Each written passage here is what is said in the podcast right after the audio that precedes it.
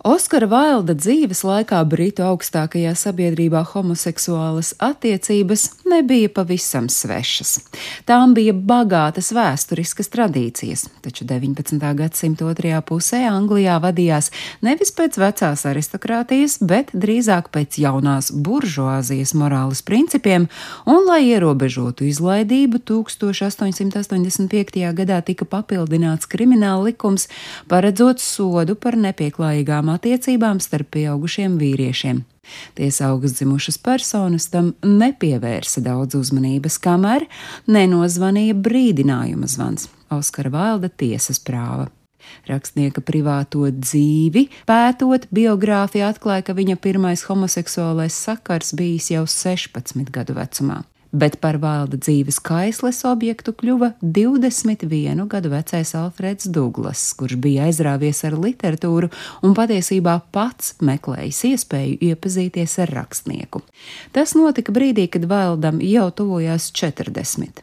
Kamēr Duglas uzskatīja Vaildu par savu skolotāju, rakstnieks no 16 gadu jaunākā aristokrāta smēlās jaunības dzīves prieku un abi kopā baudīja dzīvi.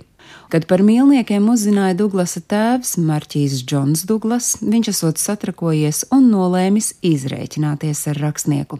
Aizvainotā tēva taktika bija mērķtiecīga un publiska rakstnieka nomalnošanas kampaņa, kas noslēdzās ar to, ka rakstnieks nolēma iesūdzēt Duglasu vecāko tiesā. Tiesas procesa laikā atklājās, ka Marķīs šim gājienam bija gatavojies krietni rūpīgāk. Viņš pirms tam bija nolīdzis privātu detektīvu, un tiesvedības laikā spēja likt pretī pamatīgu pierādījumu klāstu Oskara Vailda homoseksuālajiem sakariem. Jūtot, ka nebūs labi, valda advokāts mudinājis atsaukt savu prasību pret Duglasu, jo diez vai viņiem izdosies pārliecināt tiesas piesēdētājus atzīt marķīzu par vainīgu rakstnieka apmelošanā. Rakstnieks atsauca savu prasību, bet bija jau par vēlu.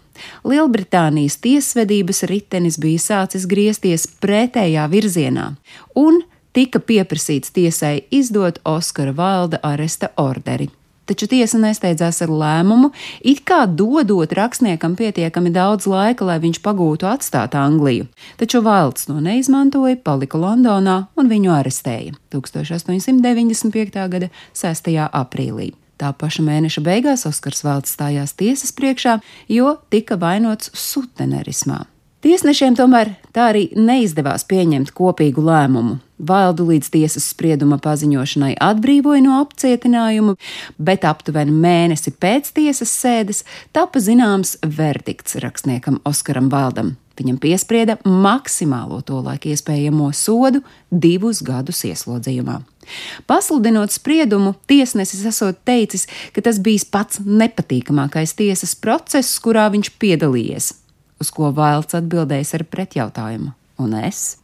Smalkajam estētam un baudu māksliniekam, brīvību mīlošajam asprātim Oskaram Vaildam divi gadi ieslodzījumā izvērtās par ļoti smagu pārbaudījumu. Patiesībā tas rakstnieku vienkārši salauza. Stāstīja Agnese Drunka.